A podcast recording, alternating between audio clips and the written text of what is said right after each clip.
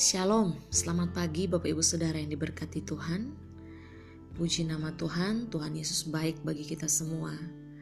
Karena di pagi hari ini kembali kita memiliki waktu dan kerinduan untuk bersama-sama merenungkan firman Tuhan. Tema kita di pagi ini adalah buka pintu hatimu. Saya akan bacakan bagi kita semua Bapak Ibu Saudara dari Lukas pasal 19 ayat 41 sampai dengan 44.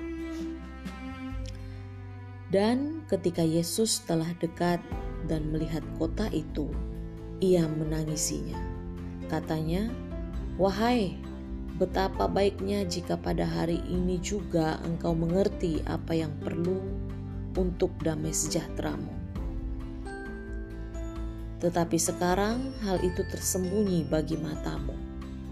Sebab akan datang harinya bahwa musuhmu akan mengelilingi engkau dengan kubu, lalu mengepung engkau dan menghimpit engkau dari segala jurusan, dan mereka akan membinasakan engkau beserta dengan pendudukmu, dan pada tembokmu mereka tidak akan membiarkan satu batu pun tinggal terletak di atas batu yang lain, karena engkau tidak mengetahui saat bila mana Allah melawat engkau. Baik, Bapak Ibu Saudara, butuh waktu yang bertahun-tahun untuk mendapatkan jawaban "ya" dari seorang gadis. Ada seorang pria yang jatuh cinta kepada salah seorang tetangganya dan ingin menikahinya. Tetapi Bapak Ibu, mereka terlibat pertengkaran dan si gadis ini menolak untuk memaafkan si pria tersebut. Nah, dengan rasa malu dan segan menghadapi wanita yang tersinggung ini, sang peminang yang gigih ini atau si pria ini menyelipkan sepucuk surat ya surat cinta di bawah pintu rumah si gadis ini. Seminggu sekali selalu dia lakukan seperti itu. Akhirnya, setelah 42 tahun berlalu, dia memberanikan diri untuk mengetuk pintu rumah wanita ini dan meminta wanita ini menjadi istrinya. Dan dia sangat gembira karena sang wanita ini menerima pinangannya dan mereka pun menikah pada usia 74 tahun. Wah, sangat luar biasa Bapak Ibu Saudara, penantian yang sangat panjang. Bapak Ibu, Allah, Allah yang kita sembah di dalam nama Tuhan Yesus, dia juga seorang kekasih yang gigih.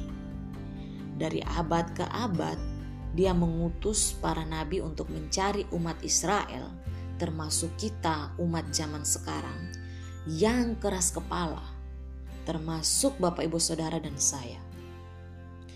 Lalu Allah mengutus putranya. Ya, di dalam Lukas 19 yang kita sudah bacakan tadi, dikatakan bahwa ketika melihat kota Yerusalem, menangislah Tuhan Yesus karena menyaksikan kedegilan hati mereka. Nah, tetapi Tuhan Yesus ini tetap saja gigih mengasihi. Dia membuka jalan bagi perdamaian melalui pengorbanannya di Kalvari yang memberikan penebusan bagi saya dan Bapak Ibu Saudara. Nah, hari ini Bapak Ibu, dia masih mengajak para pendosa yang adalah kita semua untuk datang kepada dia, menerimanya secara pribadi, sebagai juru selamat dan menikmati persekutuan yang intim dengan Tuhan. Ya. Matius pasal 11 ayat 28 mengatakan, Marilah kepadaku semua yang letih lesu dan berbeban berat, aku akan memberi kelegaan kepadamu. Bapak Ibu Saudara, jika kita telah datang kepada Dia, maka bersukacitalah karena Bapak Ibu Saudara dan saya telah menjadi miliknya. Tetapi jika belum, maka mari kita sadari bahwa waktunya itu bisa habis. maka jangan terus-menerus mengeraskan hati dan menjauhkan diri dari Allah yang adalah kekasih jiwa kita. Mari Bapak Ibu Saudara percaya kepada dia hari ini juga. Jangan keraskan hatimu. Mengakui secara pribadi bahwa dia adalah Allah kekasih jiwa kita. Allah senantiasa mengetuk cukup keras pintu hati kita agar jiwa yang mencarinya dapat mendengar dan membuka pintu. Karena ada dua kemungkinan yang terjadi. Jika kita menutup pintu bagi Yesus, berarti kita membuka pintu bagi setan. Maka bukalah sekarang hati kita untuk Tuhan Yesus saja.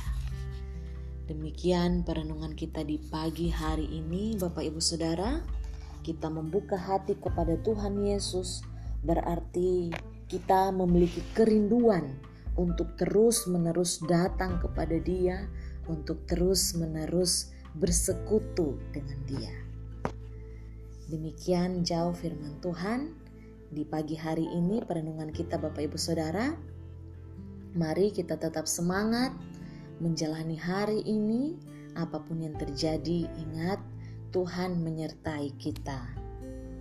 Selamat beraktivitas, Bapak Ibu Saudara. Tuhan Yesus memberkati.